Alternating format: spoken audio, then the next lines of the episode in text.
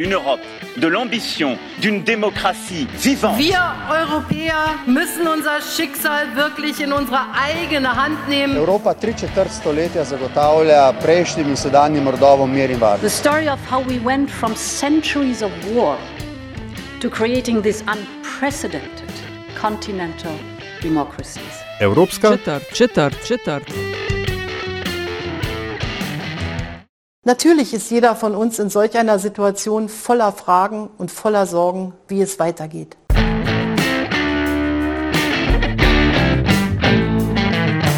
Spoštovane in cenjeni, dobrodošli v podkastu Evropska četrt, podkastu vsem, kar vas bo zanimalo o Evropski uniji, pa niste vedeli, koga vprašati. Evropsko četrt vodi vam Nataša Briški in Aljaš Pengal Bitenc.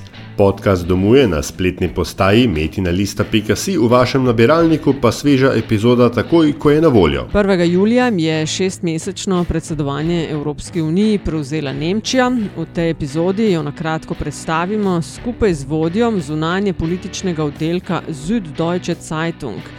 Podobno kot v prejšnjih epizodah, Italijo, pa Hrvaško in Mačarsko. S kolegom Stefanom Korneliusom torej več o tem, v kakšni formi je Nemčija, gospodarsko in politično, kakšen odnos imajo do aktualnih družbeno-političnih dogajanj, o posledicah pandemije COVID-19 in prioritetah na začasnem čelu Evropske unije.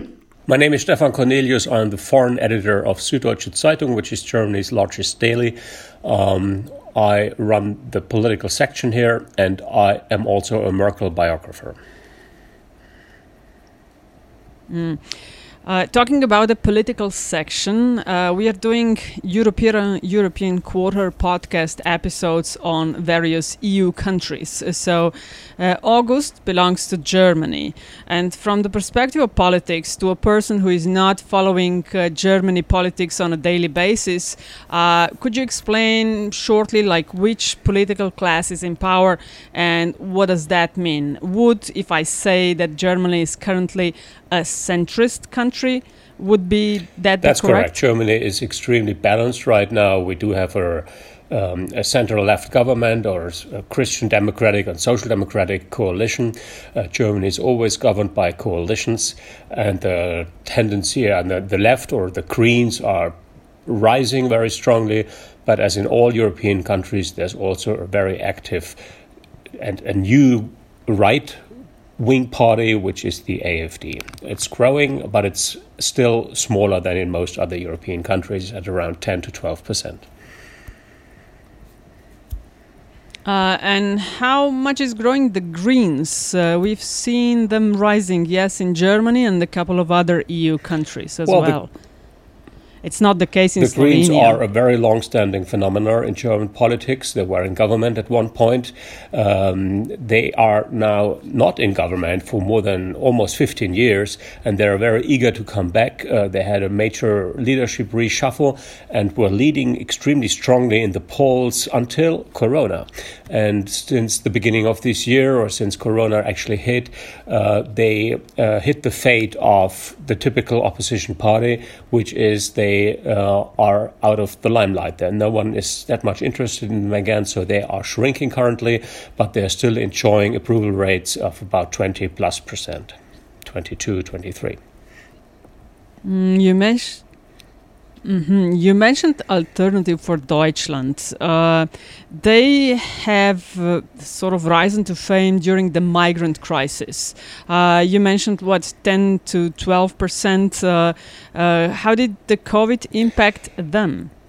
Uh, the AFD was not able to materialize on COVID. They couldn't really bank on this issue. They um, were not able to. Um, to convince a, a broader public that uh, there is an alternative to wearing masks and being cautious and uh, sort of keeping the distances and just being a little bit slowed down.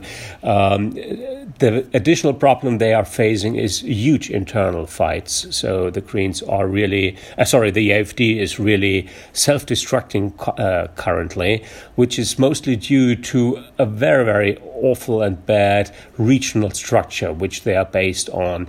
Uh, Germany is a federalized country with a lot of strongholds in the Länder, in the federal structures, and the, in the, in the provinces. And in within all of, of those um, provincial um, uh, uh, capitals, uh, they are extremely weak and uh, very radical, and in the end, by sort of infighting a lot, they are self destructing.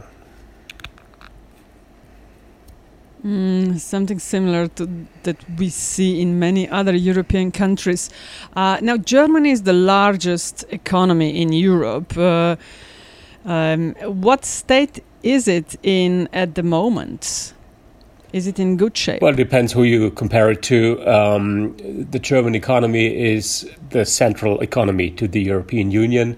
It's basically the locomotive for all neighboring economies and pretty much the whole Eurozone and even beyond.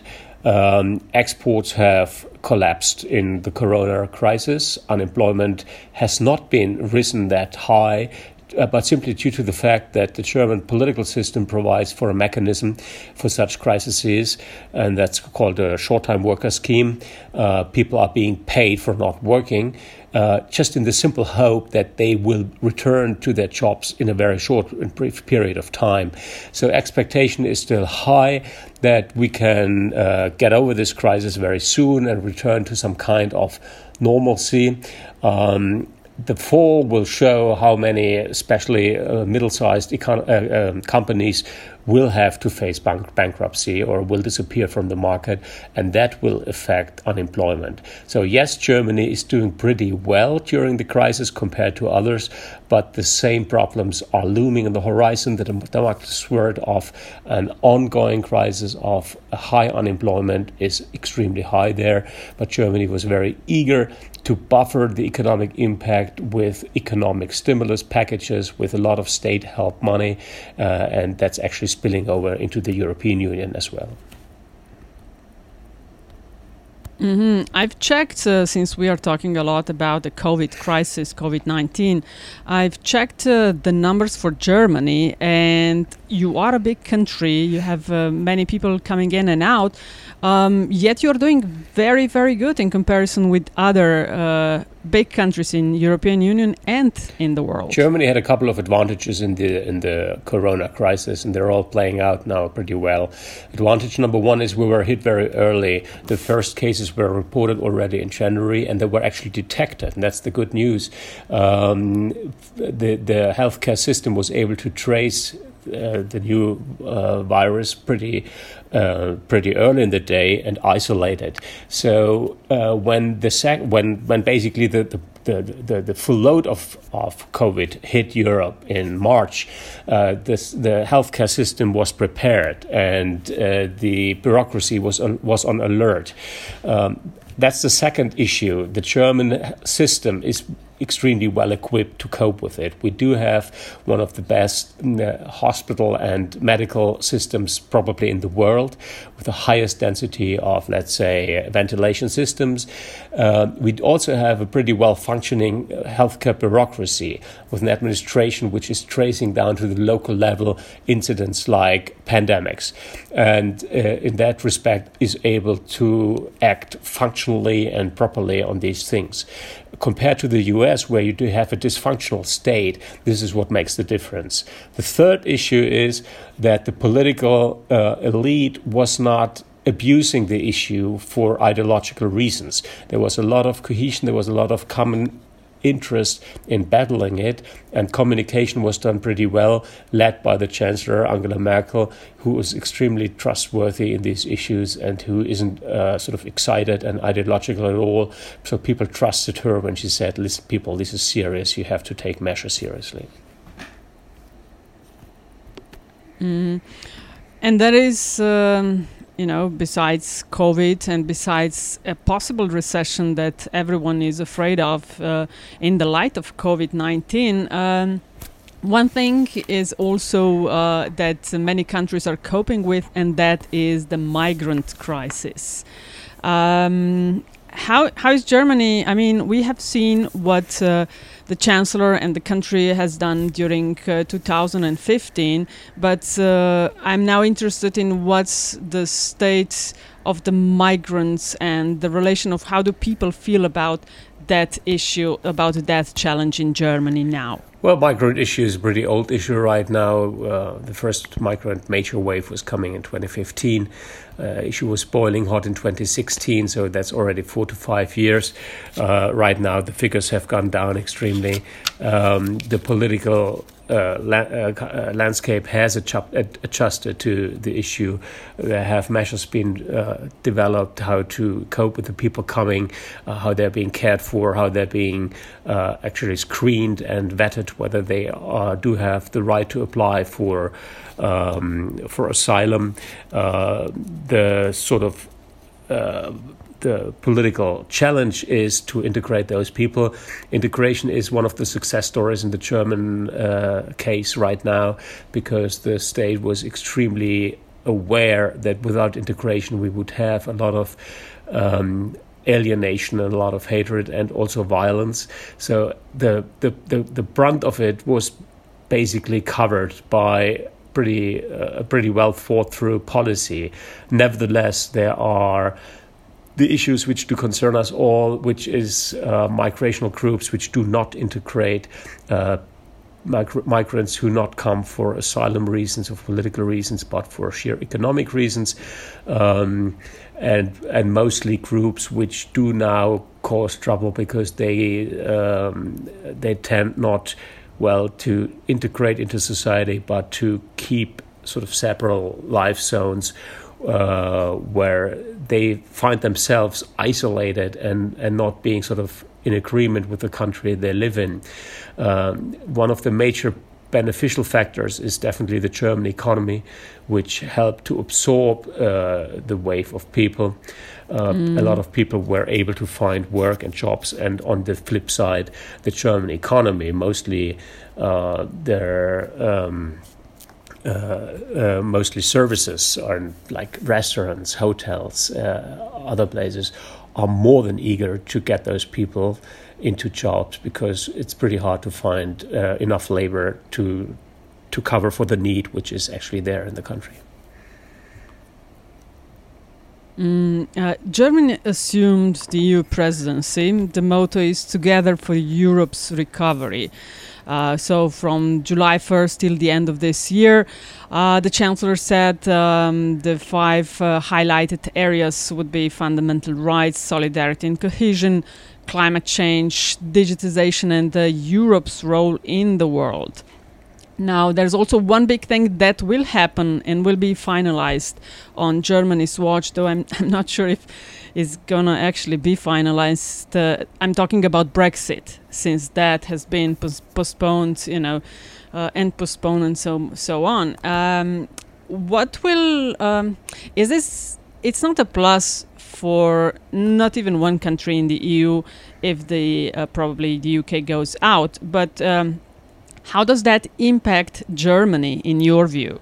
Well, if we take Brexit now first, um, and I would love to talk about other European issues because it's definitely not the most important one, but let, us take Brexit first. Um, uh, Britain is, uh, from a German perspective, and it should be for all European perspectives, uh, it's it's it's an existing huge country uh, in Europe. It's an island, but nevertheless, it's part of Europe geographically, economically, politically, um, in terms of security, politics, uh, very especially. Uh, so it's an integrated part of Europe, and you cannot simply cut it off and pretend that it's not part of the show. Uh, so Germany's interest is to keep Britain as close as possible, to keep functions working, and to have uh, sort of a political um, oper- operation operationability with the with the government in London.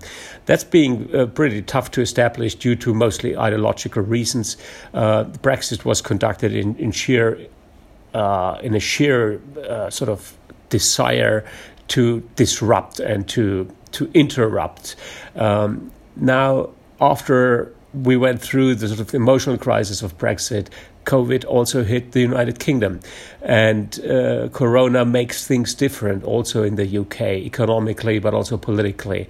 Uh, the government now there has sobered down, mm-hmm. and there's a kind of new realism on what can be achieved and what not. Uh, negotiations now on losing the ties and coming to a new kind of uh, fait accompli with the European Union um, are are stalking right now. They're not really progressing, and it's that's a, one of the big, big sham things. It's a it's a disappointment that it can't be worked out in a practical way. Nevertheless, there will be a life after Brexit, and even if relations now hit a low, where all ties are cut loose and no economic um, uh, agreement has uh, sort of uh, uh, can survive, uh, Britain will have to come back to some extent to to join forces with the European Union. It needs so for import and export reasons mostly. It needs so for for labor market reasons, but also for technological things, intervention, science, uh, education, and and uh, security politics. It's a hugely intertwined operation, and you simply cannot pretend that a country sails off into the free world and survives on its own. That's an experience the Brits have to do, and that's also an experience the European Union has to do. And Britain is a huge country, it's a big economy, so it will be a huge loss. And Germany's desire, and that's the desire, I guess, of the political class, which is in, in, in government, but also of most uh, opposition parties, the desire is to re-established reasonable relationships and not to, to trash everything we have built. Mm. Uh, let's touch a little bit on the transatlantic relations as well. You worked as uh, a correspondent from Washington D.C. as well. You wrote, co-wrote a book on Obama and uh, wrote one on Al Gore. Um, what's the sentiment among uh, Germans uh, about the Trump presidency and what uh, and the elections? Well, November. transatlantic relations right now are in shatters. Uh, they're at a low point, which I don't remember to go, to have gone through, uh, and which I don't remember did exist since the end of, the, or since the beginning of our modern relations after World War II. Um, the United States always considered itself to be a European power, and it always knew that having a footprint here in Europe, uh, having close allies, was beneficial for their own power projection for their own um, ability to be a superpower and to be respected in the world as a leading, as a beacon for freedom, democracy, um, sort of the right way to do politics. This has this has changed uh, dramatically with Donald Trump, and the latest hits we did see were his decisions to uh, withdraw troops from Germany to relocate them in Europe or take them actually yes. out of Europe at, at, all without any strategic um, reasoning behind it. So the problem right now is that we do not we're not singing from the same page at all if, if we're coming to strategy to uh, sort of how we see the world and what are we going to do with it. That's most visible in two issues. This is how we deal with Russia and how we deal with China. Um, it's a shame. It's a major problem, but there is no reason now to com- continue complaining about it. Um, uh, Europe and Germany need to find their own ways and need to actually plan for the worst, which is a complete um, disentanglement of transatlantic relations. Sort of America deciding to cut all ties. Uh, this will happen if Donald Trump will be re-elected. Sure, there's plenty of hope now that on November 3 we do see a reverse of the course. Uh, that will help a lot. This will re-establish a lot of the relations, and Joe Biden is known for having extremely close ties throughout Europe in all countries. Uh, he's uh, a classical security type figure who knows the importance of our relations. So that would help a lot. But nevertheless, there's also the uh, the possibility that Donald Trump will continue, and for that case, we do have to prepare, and it will be a new world. This is why Germany will does not really value Donald Trump's uh, contribution to our political day to day life right now. He's a president who's not doing good for us, so we shouldn't be uh, backing him. Are you talking about the political class or the, um, the Germans well, in general? both. Uh, the Germans in general are opposed to Donald Trump Uh-huh. uh, in a, a, a sort of in margins of 80 to 85 percent. Ah, okay. It's That, high. that is quite high.